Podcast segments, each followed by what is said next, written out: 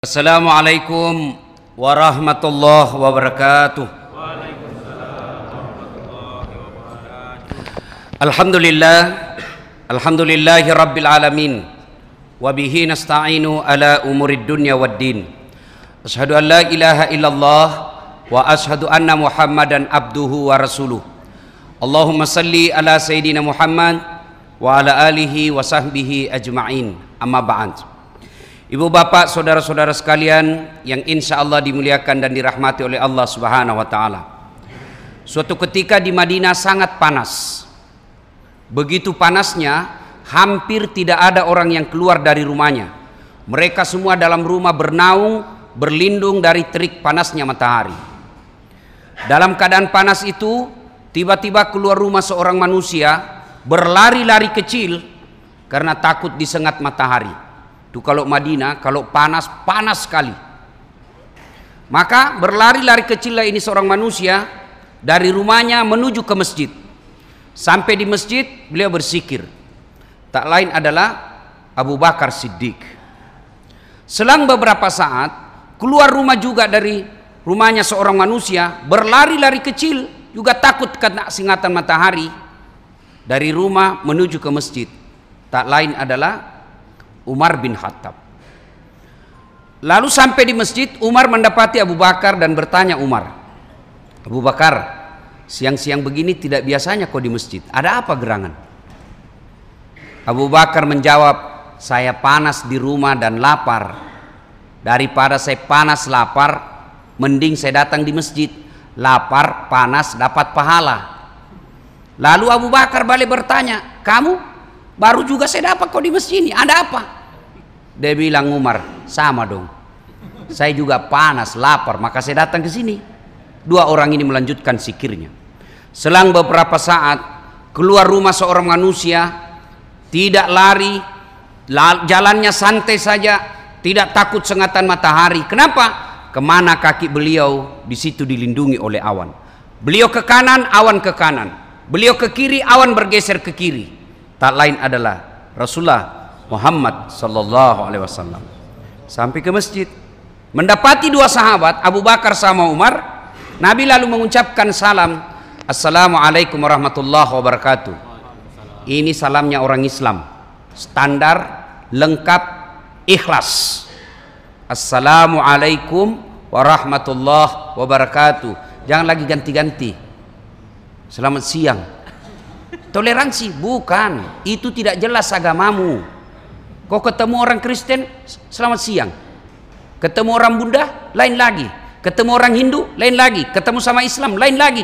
Ini namanya tidak komitmen, bos. Ya orang Islam biarlah dia Assalamualaikum. Orang Kristen biarlah selamat siang. Janganlah kita orang Islam ikut-ikut dengan selamat siang. Orang Kristen ikut-ikut Assalamualaikum. Ini tidak jelas namanya. Assalamualaikum warahmatullahi wabarakatuh. Sudah. Ini jawaban orang Islam. Mohon maaf, jangan lagi nanti ada yang saya dianggap menghina agama orang lain. Tidak. Ini untuk dalam masjid. Kau salah, kenapa kau dengar? Makanya jangan nguping. Kalau mau sekalian tahu semua, kau masuk Islam, ya aman. Ya. Nah, itu salam orang Islam. Assalamualaikum warahmatullahi wabarakatuh. Jangan lagi ganti-ganti. Ini mahasiswa saya, saya turun dari mobil langsung dia teriak, Ustadz, Assalamualaikum. Apalagi itu Assalamualaikum anak muda. Assalamualaikum. Waduh, dia kayak SMS. Ada lagi yang lebih parah, dia bilang aswabar. Apa itu aswabar? Assalamualaikum warahmatullahi wabarakatuh. Jangan maku rubah-rubah itu salam. Ya, Nah, ibu bapak, saudara-saudara sekalian, Assalamualaikum warahmatullahi wabarakatuh. Waalaikumsalam warahmatullahi wabarakatuh. Pak, satu kali Nabi lagi duduk begini, lalu ada datang sahabat, Assalamualaikum ya Rasul.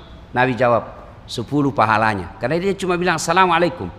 Selang beberapa saat masuk lagi yang kedua, Assalamualaikum warahmatullahi. Nabi jawab, dua puluh pahalanya. Yang ketiga, Assalamualaikum warahmatullahi wabarakatuh. Nabi jelaskan 30 keutamaan baginya. Artinya Pak, kalau Bapak tidak bisa memperbanyak Senin Kamis, tidak bisa memperbanyak tahajud, tidak bisa memperbanyak pahala dengan tadarus, maka perbanyak pahalamu dengan menyempurnakan salam. Jangan terlalu malas. Assalamualaikum. Salam. Coba lihat bapak-bapak sama kalau terima telepon. Tidak ada yang sempurna itu. Eh, Salam. Ya, ya, kenapa, kenapa, kenapa? Eh. Kita masih mau bicara, ya sudah tutup. Saya sering dikasih begitu. Kalau ditelepon sama jamaah, baik betul pertamanya. Assalamualaikum warahmatullahi wabarakatuh. Ya Ustadz, kami dari penitia Masjid Al-Fala, ini rencana ada acara tanggal 19. Tanggal 19 berapa Pak? Oktober. Oh mohon maaf saya sudah. Oh kalau begitu saya salam. Sekalinya kita jawab ada acara langsung dia tutup enggak waktunya. Ya, sempurnakan salam. Alangkah bahagianya suami datang Assalamualaikum warahmatullahi wabarakatuh adindaku Sri Kandiku dijawab oleh istrinya Waalaikumsalam warahmatullahi wabarakatuh ya kakandaku jangan lagi tanya kamu dari mana jangan tanya itu yang kau tanya adalah bapak butuh apa ah itu istri yang baik ini kita datang langsung diperiksa HP bagaimana tidak suamimu kena serangan jantung sudah Nabi bertanya kepada sahabatnya Saudaraku siang-siang begini tidak biasanya kok di masjid. Sudah sholat duhur, belum jagi asar. Ada apa? Sahabat Umar menjawab, Ya Rasulullah kami lapar dan panas, maka kami datang ke sini. Lalu Umar bertanya, Anda juga ya Rasul, kok ada siang-siang di sini? Nabi menjawab, sama dong. Saya juga lapar kak, panas kak juga, maka saya datang di sini. Oh begitu. Mereka melanjutkan sikir. Belum selesai mereka bersikir, tiba-tiba Abu Bakar berkata, Ya Rasulullah, Bagaimana kalau kita ke rumahnya Abu Ayyub Al-Ansari? Abu Ayyub Al-Ansari ini penduduk Mekah yang paling kaya, hebatnya kaya pemurah. Yang banyak kita kaya pelit. Sudah pelit serakah. Ah, hancur kita, Pak. Ini kan yang banyak di Indonesia. Pelit serakah. Orang di Makassar bilang seke. Kikirigala paku jambatan. Nah, itu tuh aslinya pelit itu. Ini Abu Ayyub Al-Ansari kaya dermawan. Lalu berkata Nabi, ayolah kita ke rumahnya Abu Ayyub. Sampai di rumah Abu Ayyub, Nabi mengucapkan salam. Assalamualaikum warahmatullahi wabarakatuh ya sahibul bait. Selang beberapa saat kedengaran suara perempuan menjawabnya. Waalaikumsalam warahmatullahi wabarakatuh. Ngintip. Wih, subhanallah. Ya Rasulullah, masuk. Ini berkah buat kami. Ya Rasulullah, masuk. Begini mestinya orang Islam didatangi alim ulama senang. Kita biasanya didatangi ulama bengkok muka kita pak. Apalagi kalau dia bawa map. Ah les les pasti. Bapak ketawa karena bapak yang ngalami kan.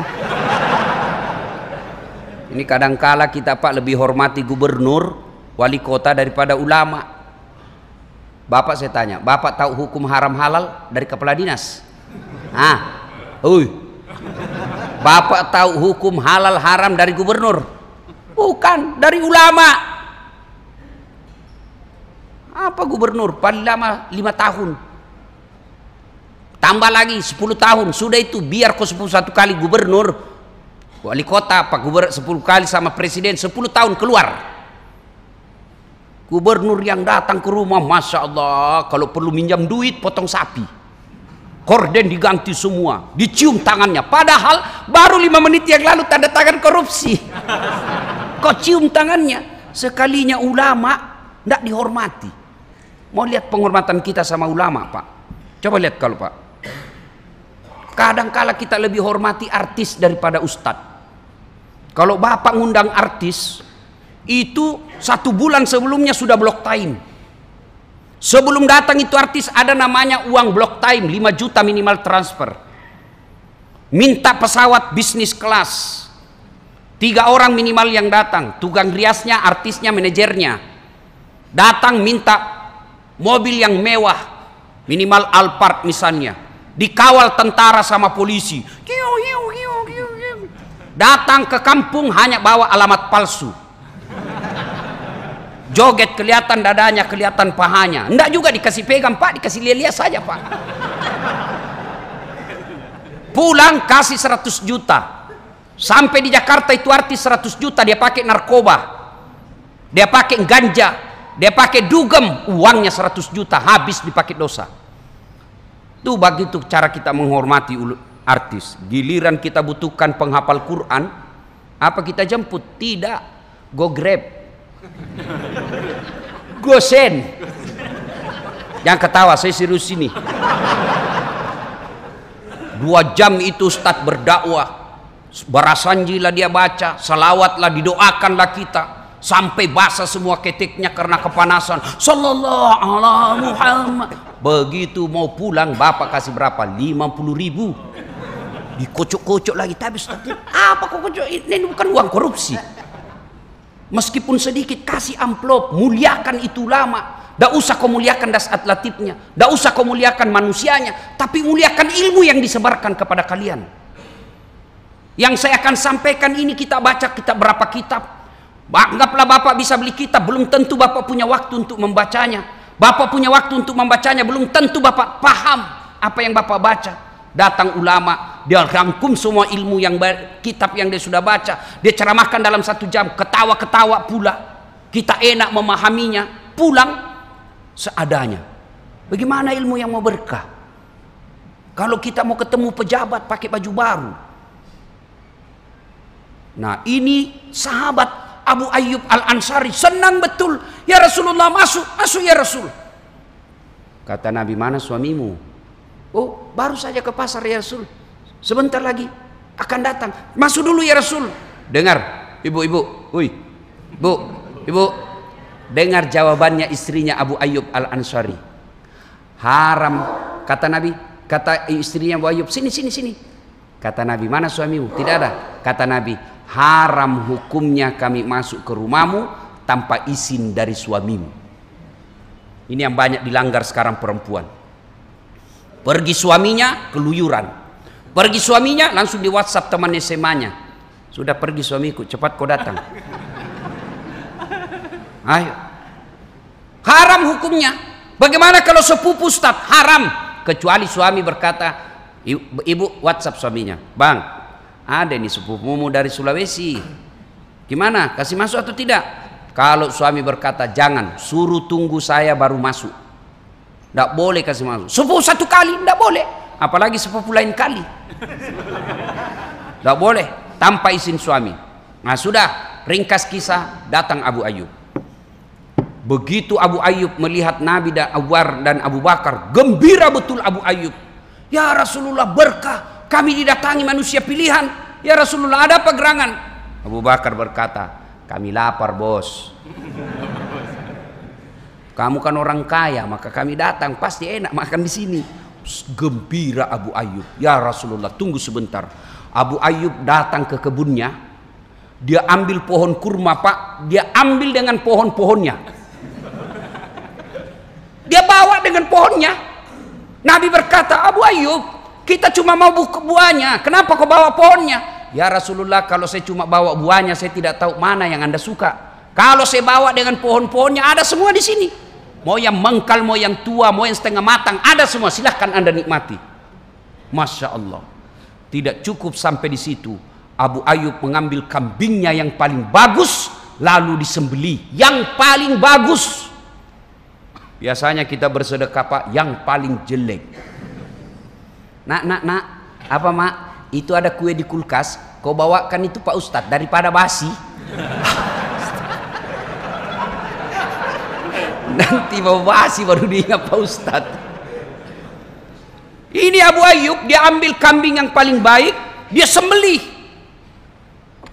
Lalu dihidangkan kepada Nabi. Nabi pun mengkonsumsinya. Begitu Nabi memakannya, tiba-tiba Nabi mengambil berkata berkata kepada Abu Ayyub, Abu Ayyub, pinjam dulu piringmu. Kenapa? Tolong kau bawakan anakku Fatimah. Sudah lama kasihan tidak makan enak seperti ini. Bawakan anakku ke rumahnya. Masya Allah. Kira-kira masih ada suami seperti ini? Makan enak, enak ingat anak dan istri di rumah. Hai, yang banyak pak makan enak di warung pulang di rumah pura-pura lapar. Masya Allah. Dibawa. Lalu Nabi mengkonsumsi. Dimakannya lah daging itu kurma lalu roti. Selang beberapa saat Nabi mengambil seluruh sampel makanan lalu diangkat tangan. Kira-kira seperti inilah. Daging kurma, roti. Lalu Nabi berkata, saudara-saudara sekalian, ketahuilah, tadi kita keluar rumah dalam perut kosong. Tadi kita keluar rumah dalam keadaan lapar. Alhamdulillah dengan izin Allah. Kita sudah kenyang. Lalu Nabi mengucapkan sampai tiga kali. Ketahuilah saudara-saudara sekalian. Ketahuilah saudara-saudara sekalian. Ketahuilah saudara-saudara sekalian. Tidak setetes pun, tidak sesuap pun yang masuk ke dalam perutmu, lewat di tenggorokanmu, yang lepas dari tanggung jawabmu di akhirat kelak. Semua yang masuk di mulutmu ini, kau akan pertanggungjawabkan di akhirat kelak. Lalu Nabi mengucapkan ayat Bismillahirrahmanirrahim. Al yauma nahtimu ala afwahihim wa tukallimuna aydihim wa tashhadu arjuluhum bima kanu yaksibun. Sadaqallahul azim. Nah, apa hikmah dari kisah ini? Satu, ternyata dalam rumah tangga tidak ada orang yang tidak ada masalahnya. Rasulullah, kekasih Allah, yang Allah jelaskan, andai bukan karena engkau Muhammad, saya tidak ciptakan dunia dan isinya. Nabi kalau berdoa pasti dikasih. Kekasih Allah, manusia paling mulia, tidak ada dosanya, ibadahnya luar biasa, apa tidak ada masalah dalam rumah tangganya? Dari informasi kisah tadi, Nabi pun dalam struktur ekonomi keuangan rumah tangga, beliau pun lapar di rumahnya. Apalagi kita, berarti tidak ada satupun manusia yang tidak ada masalahnya. Nih, nih, ini saya lihat ini semua muka-muka penuh masalah semua ini. Ayo, coba semua orang punya masalah, tidak ada orang tidak punya masalah dalam rumah tangga. Contoh kecil, Bapak, kalau istri cantik, Bapak kira kalau istri cantik bukan masalah? Wah, digoda orang, Pak. Apalagi kalau suaminya jelek. Lebih masalah lagi. Berarti bagus kalau jelek istri. Jelek istri dihina orang. Kita lagi yang malu jalan sama dia. Duluan aja bu di pesta, nanti kita ketemu di gedung. Sampai di gedung istrinya dia bilang, mana kau pak? Saya sudah sampai. Dia bilang, tidak jadi saya ke situ menceret. Istri cantik masalah, istri jelek masalah. Berarti bagus kalau tidak ada istri. Tidak ada istri juga masalah, kesepian. Berarti bagus kalau banyak istri. Oh lebih masalah lagi. Di teleponnya kau kawanmu dari kantor, eh, ini ada istrimu istri pertama sama istri kedua tarik rambut terima gaji. ada istri masalah, tidak ada istri masalah. Dulu sebelum pil caleg banyak orang punya masalah. Apa masalahnya? Mau terpilih. Sudah penetapan, selesai masalahnya. Bayar utang, Pak. Utang baleho, baju kaos. Ah itu dia bayar, ya harus dia bayar. Selesai dia bayar, selesai masalahnya, selesai dilantik. Muncul masalah paling besar yang harus dia tanggung dunia akhirat. Apa? Melaksanakan janji-janji kampanyemu. Ini Adik-adik nih yang baju-baju pegawai. Apa masalahmu dulu waktu kuliah? Hah? Mau sarjana. Sudah sarjana selesai masalahmu? Enggak. Mau kerja. Sudah kerja pegawai, sudah selesai masalahmu? Enggak. Mau jadi kepala di kepala bagian. Sudah jadi kepala bagian selesai masalahmu? Belum.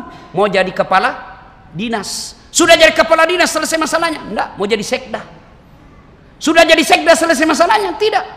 Mau jadi bupati. Sudah jadi bupati selesai masalahnya? Belum, mau dua periode. Tidak ada orang tidak ada masalah pak. Semua orang punya masalah.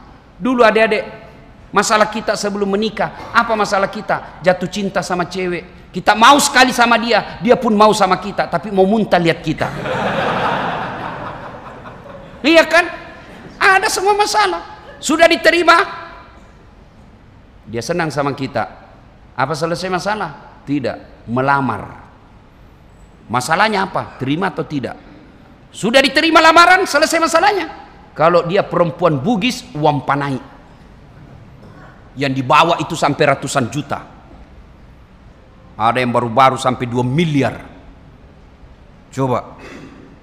Selesai, anggaplah dia bayar itu uang panainya. Selesai masalahnya. Tidak. Bayar hutang pengantin. Ngambil kredit di bank. Bayar itu. Selesai itu, apa selesai masalahnya?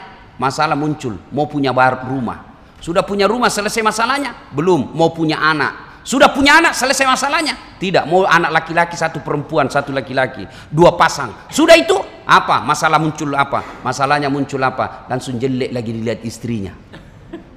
Semua orang punya masalah, Pak. Dalam pekerjaan pasti ada masalah.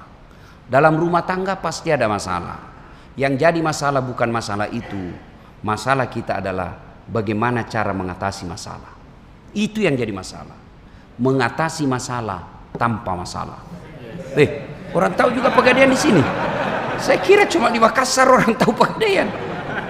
Semua orang punya masalah. Belajar dari kisah tadi, Rasulullah dan sahabat begitu ada masalahnya, takarruf ilallah, dekatkan diri kepada Allah dengan cara apa? Dia langkahkan kaki beliau ke masjid. Berarti jika ada masalahmu, yuk datang ke masjid, ngadu kepada Allah. Cuma kalau kita ada masalah, tidak ngadu kepada Allah. Ngadunya ke mana? Ke medsos. Bertengkar istrinya, update status. Tidak kusangka kau begini. Dia balas istrinya di Facebooknya. Aku pun tidak menyangka kau laki-laki bejat begitu. Akhirnya apa? Seribu teman Facebooknya, seribu yang tahu masalah rumah tangganya. Adakah rumah tangga yang tidak ada masalahnya? Tolong tunjukkan saya kalau ada rumah tangga tidak ada masalahnya. Jangankan bapak yang PNS, apalagi yang pegawai honor. Hah? Itu kan? Pegawai negeri, saya juga heran sebenarnya kalau ada orang bangga sekali jadi pegawai negeri. Nyogok ratusan juta sampai untuk jadi pegawai negeri. Apa hebatnya itu pegawai negeri? Mana ada pegawai negeri tidak ada utangnya di koperasi? Coba periksa semua itu SK-nya masuk di bank.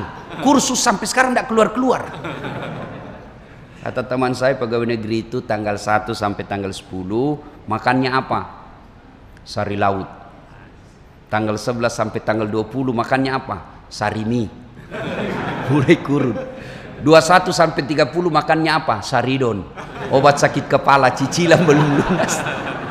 Kenapa? Tahu Ustaz, karena saya begitu Pak. Pegawai negeri. Ya Pak. Ibu bapak saudara-saudara kalian, tidak ada orang tidak punya masalah. Maka begitu ada masalah, tidak ada pilihan kita. Datang ngadu kepada Allah dan yang dicontohkan oleh Rasulullah tidak cukup hanya di rumah, bapak datang berjamaah di masjid. Alhamdulillah di sini saya dengar ini Pak. Pekan baru ini ramai jamaah. Alhamdulillah. Apalagi kalau subuh sampai di luar. Tidak ada di dalam. Yo, Pak. Yang menyebabkan orang sebenarnya orang malas jamaah itu Pak panitia masjid juga kadang kala. Kalau masjid begini kan alhamdulillah nyaman Pak, ber AC. Cuma kalau ber AC begini kadang kala juga ada orang datang numpang tidur. Hmm? Alhamdulillah Pak. Yang kadang kala membuat kita malas itu kalau masuk ke masjid, imamnya kadang kala balik-balik sunnah Nabi. Nabi menjelaskan kalau kau jadi imam ringkaskan bacaan solatmu. Ini jadi imam dia baca yang panjang-panjang.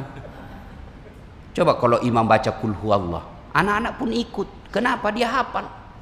Tapi begitu imam membaca surah Al-Anfal ayat 3 sampai 72 dia husu dengan bacaannya, kita husu dengan hayalan.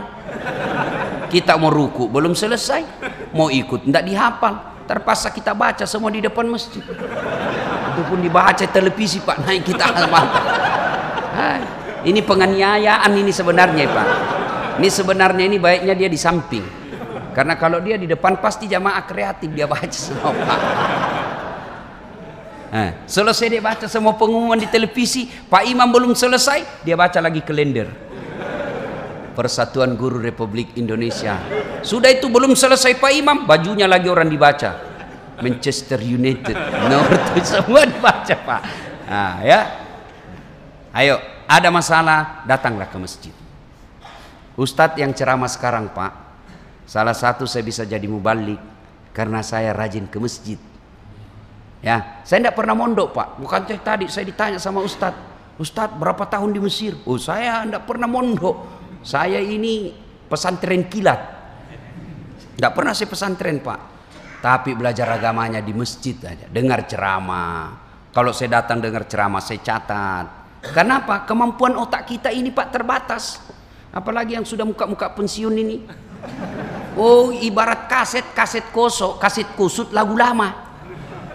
susah merekam pak maka kadang-kadang kita bawa merekam dari situ saya pulang saya baca kembali dengan seperti itu alhamdulillah saya bisa jadi ustadz ya datang ke masjid dan alhamdulillah tidak ada tuh orang di penjara karena rajin ke masjid saya heran saya sering masuk ceramah pak di penjara. Itu bapak masuk penjara berlapis-lapis pintu. Sampai tiga lapis empat lapis pintu. Ada polisi ada macam-macam. Polisinya dari apa Kemenkumham. Empat lapis pak. Pintunya semua terali. Tapi penuh orang di dalam. Bersesak-sesakan. Masjid tidak ada satpamnya. Buka 24 jam tidak dikunci. Sepi di dalam pak karena kadang kala ada orang bilang susah masuk surga Ustaz saya bilang salah kok dek karena kadang ada orang bilang susah masuk surga eh salah kau yang susah itu masuk neraka Kok bisa Ustadz? Coba lihat. Narkoba bayar atau gratis? Bayar. Selingkuh bayar. Uh, apalagi kalau diperas pak. Dia bilang ceweknya ini, kalau kau tidak belikan saya AC, saya share ini foto kita berdua. Ah, hancur pak. Sudah dibelikan AC, dia minta lagi motor. Habis duit kita. Bahayanya itu pak. Narkoba bayar, judi bayar, mabuk bayar, dugem bayar, selingkuh bayar, semua dibayar dan itu pintu masuk neraka. Salat gratis, puasa gratis, ngaji gratis, berjamaah gratis, naik haji kalau mampu. Dan itu menguntung masuk ke surga. Jadi yang susah itu sebenarnya bukan mendekatkan diri kepada Allah, yang susah adalah mendekatkan diri ke neraka. Ada masalah, datang ke masjid. Ibu-ibu bertengkar dengan suami, tidak usah putus asa. Minta pertolongan kepada Allah. Adik-adik mau kerja, minta pertolongan kepada Allah. Ustadz, saya sudah tiga tahun menganggur Ustadz. Tidak punya punya kerja Ustadz. Yuk perbaiki sholatmu. Ngadu dalam pertolongan Allah. Minta pertolongan Allah. Selesai ke sholat, minta kepada Allah. Tidak ada yang mustahil kalau Allah yang kabulkan. Soal jadi pegawai, kecil buat Allah. Kecil. Jangankan yang ada jalannya, jangankan yang masuk akal, tidak masuk akal saja. Kalau Allah mau pasti terjadi. Saya tanya, bapak-bapak, ada yang pernah masuk perut ikan di sini? Ada? Masuk akal tidak bisa manusia hidup dalam perut ikan? Masuk akal? Tidak masuk akal. Tapi kalau Allah yang mau, Yunus alaihissalam 40 hari dalam perut ikan keluar dengan selamat. Ayo, pernah ada di sini pernah dibakar hidup-hidup? Bisa tidak hidup manusia kalau dibakar dalam api yang sangat besar? Bisa? Tidak mungkin, tidak masuk akal. Tapi kalau Allah yang mau, Ibrahim alaihissalam dibakar dalam api yang sangat besar, keluar kedinginan. Ayo, kalau Allah yang mau. Perempuan, bisa tidak hamil tidak pernah disentuh laki-laki? Bisa tidak? Tidak mungkin. Tapi kalau Allah, Siti Maryam, wanita suci, tidak pernah disentuh laki-laki, hamil melahirkan Isa alaihissalam kalau Allah mau. Cuma sekarang banyak yang mau saingan Siti Maryam. Hamil tidak ada suaminya. Beleng-beleng. Tahu beleng-beleng Pak? Dongo. Tahu dongo? Beleng-beleng. Tahu beleng-beleng? Ya dongo. dongo itu tidak masuk akal. Apa? Rocky Gerung bilang dungu. Ya. Tidak masuk akal. Tapi kalau Allah yang mau pasti terjadi. Lihat sungai. Lihat air, aliran sungai di got. Kalau air mengalir ke kanan, benda yang ada di atas air itu pasti juga mengalir ke kanan. Tapi kalau Allah yang mau, sungai Nil, airnya mengalir ke kanan. Petinya Nabi Musa justru mengalir ke kiri. Anehnya, mus, ajaibnya lagi, petinya Nabi Musa masuk ke pengarang rumahnya Fir'aun yang mana Fir'aun punya perda waktu itu. Kalau ada bayi laki-laki kau dapat bunuh. Petinya Nabi Musa masuk ke dalam ruangannya, pekarangannya Fir'aun. Dan hebatnya lagi didapat ini bayi oleh Fir'aun istrinya yang dapat datang Fir'aun mau membunuhnya malah dikencingi sama Musa kecil mau dibunuh kata istrinya jangan ini kiriman dewa sudah lama saya mau putra laki-laki ini Allah melindungi Nabi Musa di bawah hidungnya Fir'aun yang mau membunuhnya. Coba baca kisahnya itu. Kan itu istrinya Fir'aun kan beriman kepada Allah. Dalam rumah tangga yuk, halo ibu, bu, bu. Dalam Quran itu ada empat tipe rumah tangga. Satu, istri beriman, suaminya kafir. Fir'aun. Ada lagi istrinya kafir, suaminya beriman. Lut alaihissalam. Ada lagi istri beriman, eh istri kafir, suami kafir. Siapa? Abu Lahab. Dan yang keempat, istri beriman, suami beriman. Siapa dia? Ibrahim alaihissalam. Kira-kira ibu mau rumah tangga yang bagaimana? Ibrahim. Tapi ibu harus tahu, Ibrahim itu dua istrinya.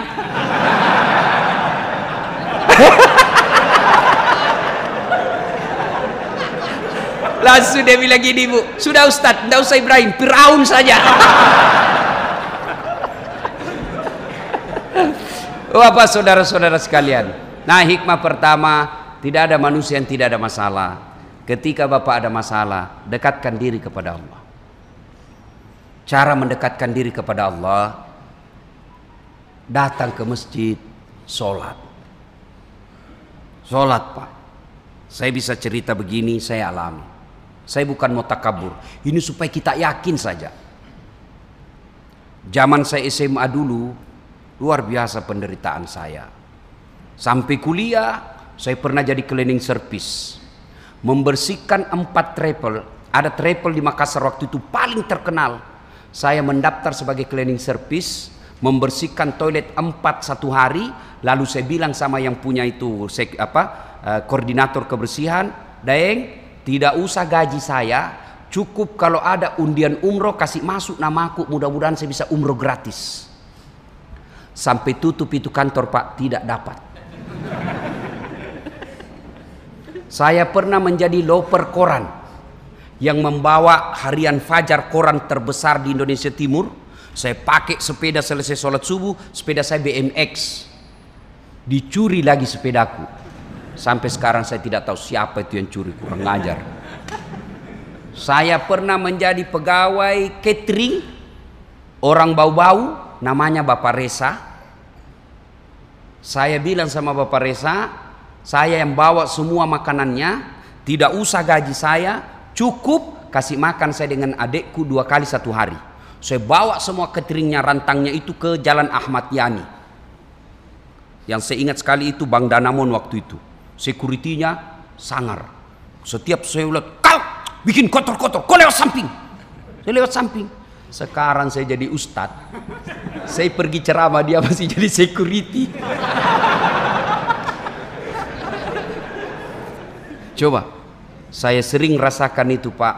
Dari kampung saya namanya Desa Bungi ke Makassar itu 216 km. Naik mobil waktu itu kalau bayar full 5000 tapi karena saya bayar setengah, kadangkala 1500 berdiri. Yang paling setengah mati kalau malam, 6 jam kita berdiri, ngantuk Pak. Kadangkala kita jatuh. Untung kalau ada orang kasihan sama kita, kok duduk di sini deh. Saya sering rasakan itu ke rumahnya teman atau keluarga, dia sinis mukanya lihat kita, ah datang saja itu cari pembeli ongkos mobil. Rasakan itu. Dan saya pernah rasakan saya keluar dari kuliah itu kalau saya mengajar saya ingat terus itu ruangan itu 207 PIS 3 lantai 2 Unhas Sospol saya keluar dari ruangan itu dia tunjuk saya temanku eh dasat enggak malu kok itu bajumu rombengan tahu rombengan pak baju yang baju dalam karung yang baju-baju bekas dulu itu yang terkenal dibeli kalau di matahari 100 ribu satu ini 100 ribu tujuh masih bisa ditawar itu hendak malu-malu kau cakar semua bajumu. Saya tidak marah. Saya hanya berdoa kepada Allah. Ya Allah, berikan saya umur yang panjang supaya saya bisa berbuat baik sama orang ini. Saya pernah menjadi tukang cuci keluarga-keluarga saya. Saya datang sama keluarga saya. Tidak usah kau gaji tukang cuci. Saya cucikan kau. Terserah kau mau bayar saya berapa. Tapi saya selalu yakin.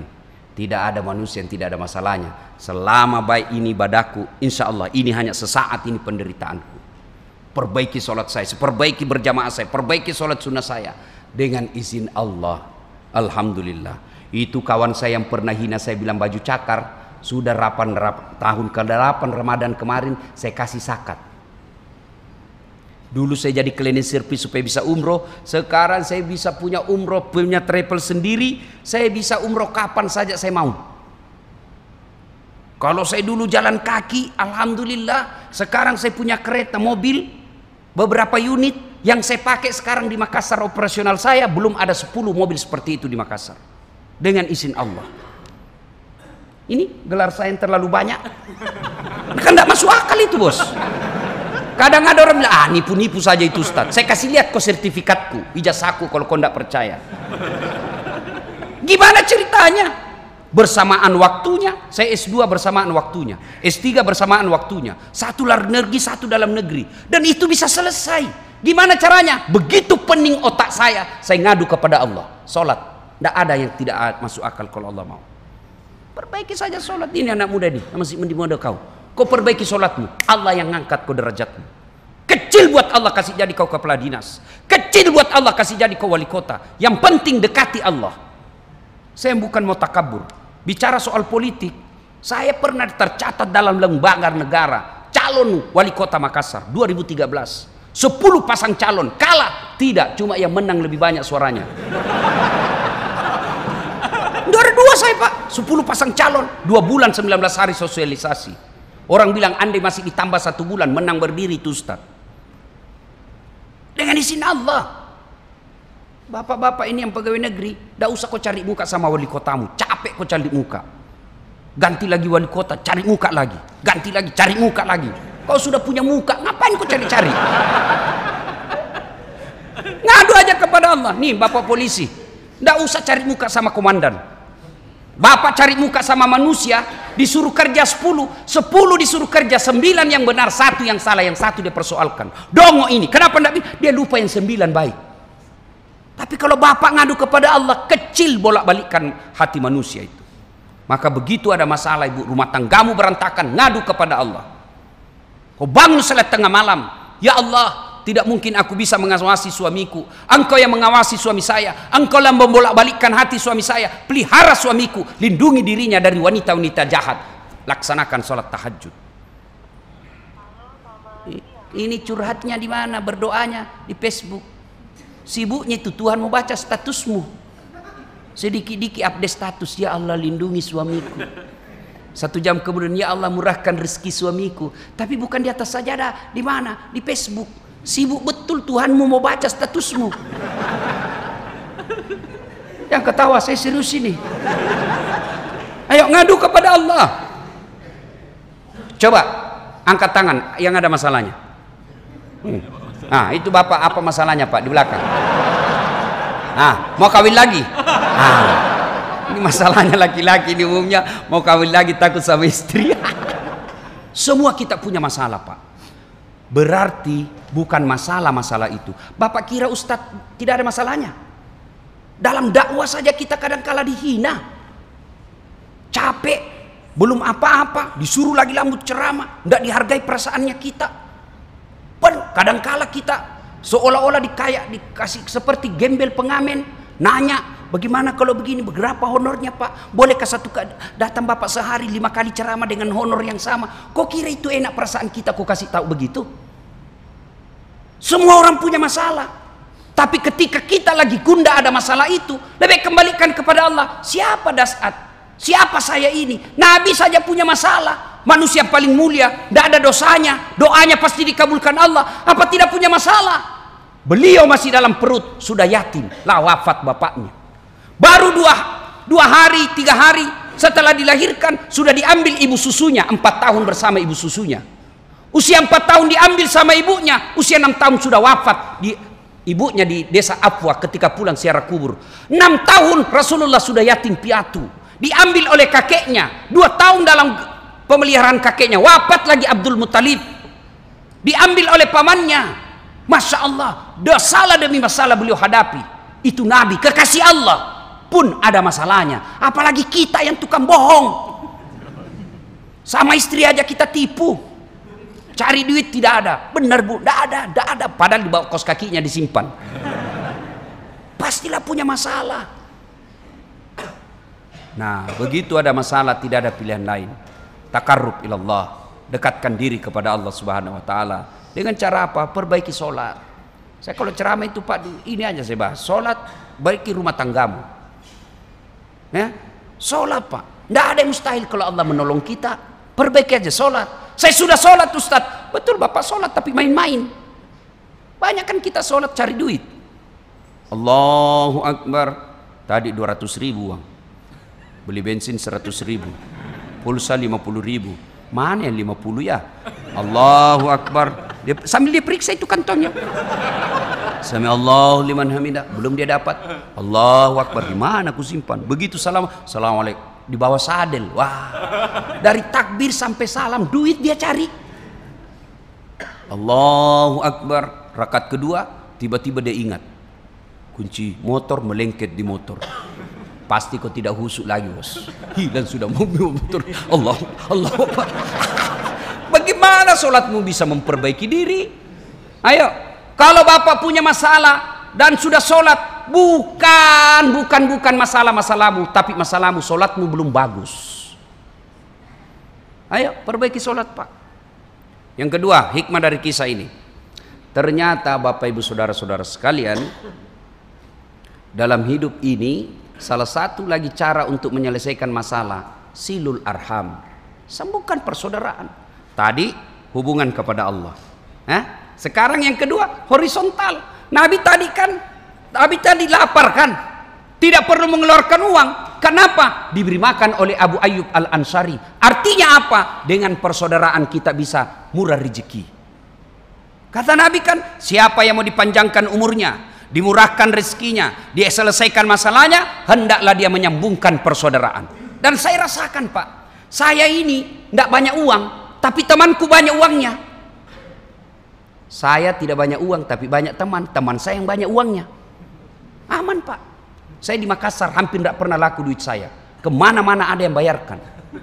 Saya baru turun dari mobil kalau ke pasar, ada yang teriak, Assalamualaikum Ustaz. Dalam hatiku aman dan terkendali. Hah? Ada yang isi ikan, isi telur, begitu saya mau bayar, ndak usah Ustaz. Ah, ndak enak Pak. Berapa? Ndak enak. Ah, berapa Ustaz? Ndak enak Ustaz. Ndak usah Ustaz. Ndak enak Pak. Padahal itu memang yang kutunggu. itu istri saya senang betul itu kalau saya ke pasar. Dia suruh ke pasar, ndak laku duit saya. Yang kedua, banyak teman, gampang selesai masalah. Contoh yang tadi kan, ndak perlu keluar duit, Nabi sudah kenyang. Banyak teman, gampang selesai masalah. Saya ke kantor polisi, mau perpanjang SIM. Tiba-tiba dilihat sama Kapolres. Assalamualaikum Ustaz. Waalaikumsalam. Siap komandan. Ada apa Ustaz? Perpanjangan SIM komandan. Komandan, panggil kasat lantas. Tolong bantu selesaikan SIMnya Ustaz. Yang ku minta uang ah, dosa uang Ustaz ku makan. Selesai masalah. Ayo. Maka goblok orang yang tidak mau menyembuhkan persaudaraan. Ini yang kadang kala memutuskan persaudaraan kita di masjid ini apa? Perbedaan mazhab.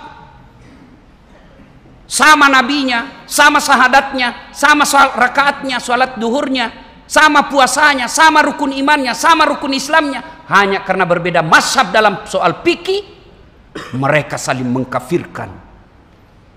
Ini banyak nih anak-anak muda sekarang. Baru belajar agama tiga bulan. Itu pun melalui YouTube Baru dua menit habis kotanya. Apa yang kau tahu dengan satu menit? Ya, coba lihat itu. Saya kadang-kala melihat picture, gambar-gambar. Yang paling saya ingat itu kaki orang ruku, sujud, sujud. Karena ada tiga saya lihat itu gambarnya. Gambar pertama kakinya eh, lurus begini. Gambar kedua yang di tengah kakinya menghadap jari-jarinya ke, ke depan kiblat. Gambar ketiga membelakang begini kakinya. Lalu yang kiri kanan dia coret silang tulis salah baru yang di depan betul. Itu bukan begitu kalimatnya mestinya. Bukan salah ini kiri kanan. Salah itu kan batal. Tapi apa yang tertulis mestinya tidak sunnah. Tengah sunnah. Artinya apa? Kau laksanakan tinggi pahalanya, kau tidak laksanakan tetap sah pahala salatmu. Kan banyaknya begini pak. Berbeda pendapat tidak mau datang ke masjid. Yang anehnya lagi, bikin-bikin keluh pengajian, sahabat ini, sahabat ini, sahabat ini. Berarti ada yang bukan sahabatmu. Bikin kelompok pengajian tidak mau ikuti kalau bukan ustadznya. Saya ditanya, Ustadz apa? Saya Islam. Nabiku Muhammad SAW, sahadatku dua kalimat sahadat. Kalau berbeda pendapat silakan, tapi jangan kau kafirkan orang. Hanya karena berbeda kita takbir. Ada yang begini, ada yang begini. Silakan. Ada juga yang saya lihat dia pegang kepalanya. Terserah. Yang penting jangan kau salahkan orang. Ada juga takbir kayak kacamata. Allah. Silakan. Yang penting ada dalilmu.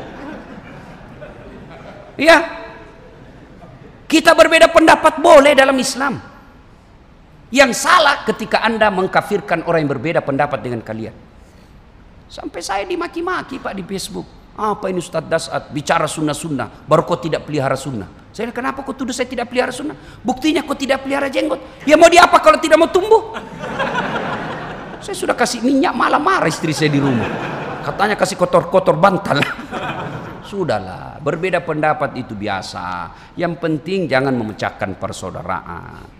Coba kita lihat Pak. Kadangkala masab NU tidak mau datang ke masjid Muhammadiyah. Muhammadiyah tidak mau datang ke masjid NU. Wah, sudah. Ini kalau kita begini terus maka kita akan terbelakang. Hikmah dari kisah ini dengan persaudaraan kita bisa menyelesaikan masalah. Yang ketiga, kisah dari ini. Subhanallah, ternyata kita ini nanti dimintai nikmat yang Allah berikan diminta tanggung jawabnya. Kadangkala kita bilang, ah nikmat apa yang Allah berikan? Saya Ustadz orang miskin. Nikmat itu yang paling tinggi dan tidak bisa dihitung fi ahsani takwim ni badan kita. Mau Pak? Ibu-ibu, mau saya kasih handphone? Mau? Gratis Ibu, pulsanya 5 juta. iPhone X Max, mau Ibu? Mau. Tapi begitu saya kasih langsung tuli. Mana yang mau tadi? Ayo, mau diapa handphone kalau sudah tuli? Halo? Halo? Eh, rusak lagi nih HP. Halo? Bukan HP rusak, telingamu yang bermasalah, Bos. Berarti yang mahal bukan handphone, yang mahal bukan seluler, yang mahal bukan pulsa, tapi yang mahal adalah telinga. Allah kasih kita telinga gratis, tidak perlu dibayar. Ayo. Mau lagi saya kasih contoh. Mau? Bapak minum, makan, itu ada racun. Dan mata kita tidak bisa memisahkan mana racun, mana bukan. Siapa yang memisahkan itu? Ginjal. Dan Bapak tahu harganya itu ginjal 600 juta. Lebih kalau di Hong Kong 600 juta. Allah kasih dua gratis, tidak perlu bayar. Berarti ginjal lebih satu miliar Bapak punya. Ayo, mau jual ginjalnya Pak? Ayo, Bapak langsung langsung punya duit satu miliar lebih. Mau lebih hebat lagi, jual jantungmu. Jantung satu miliar harganya lebih di, di, di Hong Kong. Bapak jual jantungnya, dibeli orang satu miliar. Allah kasih gratis. Coba kalau disuruh bayar itu Pak. Ada orang kesehatan di sini. Coba Bapak lihat itu orang yang bernapas, oksigen. Itu petabungnya itu lebih satu juta. Tabung. Dipakai kadang-kala satu hari, dua hari. Bagaimana seandainya oksigen dibayar? Bisa dibeli. Kita ini kaya Pak. Jangan pernah merasa miskin. Tapi ingat, semua nikmat Allah akan diminta tanggung jawabnya di akhirat. Kalau Bapak bersyukur, Allah tambah. Tapi kalau tidak disyukuri, Allah kasih azabnya. Inna azabila zadid. Asap Allah sungguh sangat pedih. Bapak diberi mata yang sehat, diberi kaki yang sehat, diberi pernapasan yang sehat, semua gratis. Tapi kalau Bapak tidak sujud di hadapan Allah, melawan larangan-larangan Allah, menghindar, justru menghindari perintah-perintah Allah, maka tunggu azab Allah pasti akan turun. Azab Allah bisa jadi Bapak tetap kaya, bisa jadi tetap banyak duitnya, banyak duitnya tapi tidak ada yang bisa dia makan. Berapa banyak orang saya berhadapan diundang ke raktir makan. Begitu saya berhadapan meja makan, apa yang saya pikir, wih enak semua ini makanan. Apa ini orang kaya, apa dia pikir berhadapan meja makan, apa dia pikir? Asam urat, kolesterol, lemak, ginjal, tidak ada bisa dimakan. Dilarang makan nasi. Bayangkan Pak, dilarang makan nasi, duitnya 2 miliar. Dilarang makan nasi, dilarang makan daging, dilarang makan sayur, dilarang makan garam, dilarang makan gula. Apa aja bisa dimakan? Ubi rebus. Padahal duitnya 2 miliar.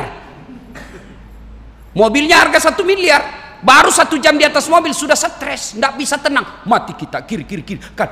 Uh, uh, uh. Mobilnya itu satu miliar tuh harganya, tidak bisa dinikmati. Itu karena Allah sudah menyiksa kalian. Maka syukuri, semua akan diminta tanggung jawab. Tangan kita akan diminta tanggung jawabnya, telinga kita akan diminta tanggung jawabnya. Semua itulah ayat tadi yang berbunyi al yauma nahtimu ala afwakihim wa tukallimuna aydihim wa tashhadu arjuluhum bima kanu yaksibun. Masuk tahun baru Hijriah. Maka begitu Bapak menghadapi masalah, Bapak tidak usah stres. Begitu ibu menghadapi persoalan dalam rumah tangga, ibu tidak usah sengsara. Lebih baik dekatkan diri kepada Allah Subhanahu wa taala. Ya. Kalau Allah telah menolong kita, maka tidak ada yang sia-sia. Sudah ditolong Allah, masalahnya tetap ada. Maka bagi orang Islam, kalau dia sabar menghadapi masalah itu, masalah itu akan menggugurkan dosa-dosa dan kesalahannya. Suatu kali datanglah anak muda kepada Nabi menghadap.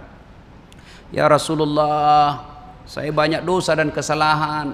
Saya takut azab neraka ya Allah. Ya Rasulullah, saya takut disiksa api neraka ya Rasulullah. Nabi bertanya, pernahkah kau mengalami masalah sehingga kau merasa hidupmu sangat tertekan rasanya kau tidak mampu lagi menghadapi hidup ini pernah ya Rasul apa kau ikhlas menerima masalahmu itu iya ya Rasul kau tidak menyalahkan Allah iya ya Rasul maka Nabi menjawab ketahuilah itulah yang akan menghindarkan kalian dari dosa-dosamu mencuci dosa-dosamu dan menghindarkan kalian dari api neraka Berarti kalau Bapak punya masalah yang sangat pelit, masalah yang sangat besar sehingga rasanya kita mau hilang saja dari dunia ini, tapi kalau Bapak sabar menghadapinya, tidak menyesal, lalu tidak menyalahkan Allah, ikhlas menghadapi semua cobaan dan hukuman dari Allah, maka itulah yang akan meringankan dosa-dosa kita di akhirat kelak. Ibu bapak saudara-saudara sekalian, inilah tausiah kita pada taklim kita kali ini. Mudah-mudahan ada manfaat. Lebih dan kurangnya mohon dimaafkan. Jika ada kata dan kalimat yang salah, mohon dimaafkan. Jika masih mau mendengarkan ceramah saya, silahkan simak tablik akbar Damai Indonesia One setiap hari Sabtu atau Ahad pukul 14.30 cuma itu agak lama Pak nunggu biasa sekali seminggu biasa sekali dua minggu lama baru muncul lagi. Tapi kalau Bapak mau setiap saat nonton ceramah saya ambil handphone buka aplikasi YouTube tulis nama saya Das Atlatif keluarlah ceramah saya yang ratusan. Sudah itu jangan lupa kasih tanda begini. Like ya. Nah, jangan dikasih gini pak. Kalau bapak kasih gini dicari malaikat pencabut nyawa. Masa ceramah kok kasih begini bos? Ndak enak ya cuma cepat habis kuota karena satu-satu jam itu ceramah saya. Maka saya sediakan ceramah saya yang ringkas namanya Chelsea ceramah singkat. Satu-satu menit. Gimana caranya Ustadz? Follow saya di Instagram. Follow saya di Instagram Das Atlatif 12 12 Das Atlatif 12 12 sudah ku follow Ustaz sudah ku tidak mau terputar ceramahnya Ustaz hakul yakin berarti tidak ada kuotamu. Kau beli dulu kuota bos ya. Ibu Bapak mudah-mudahan ada manfaat. Lebih dan kurangnya mohon dimaafkan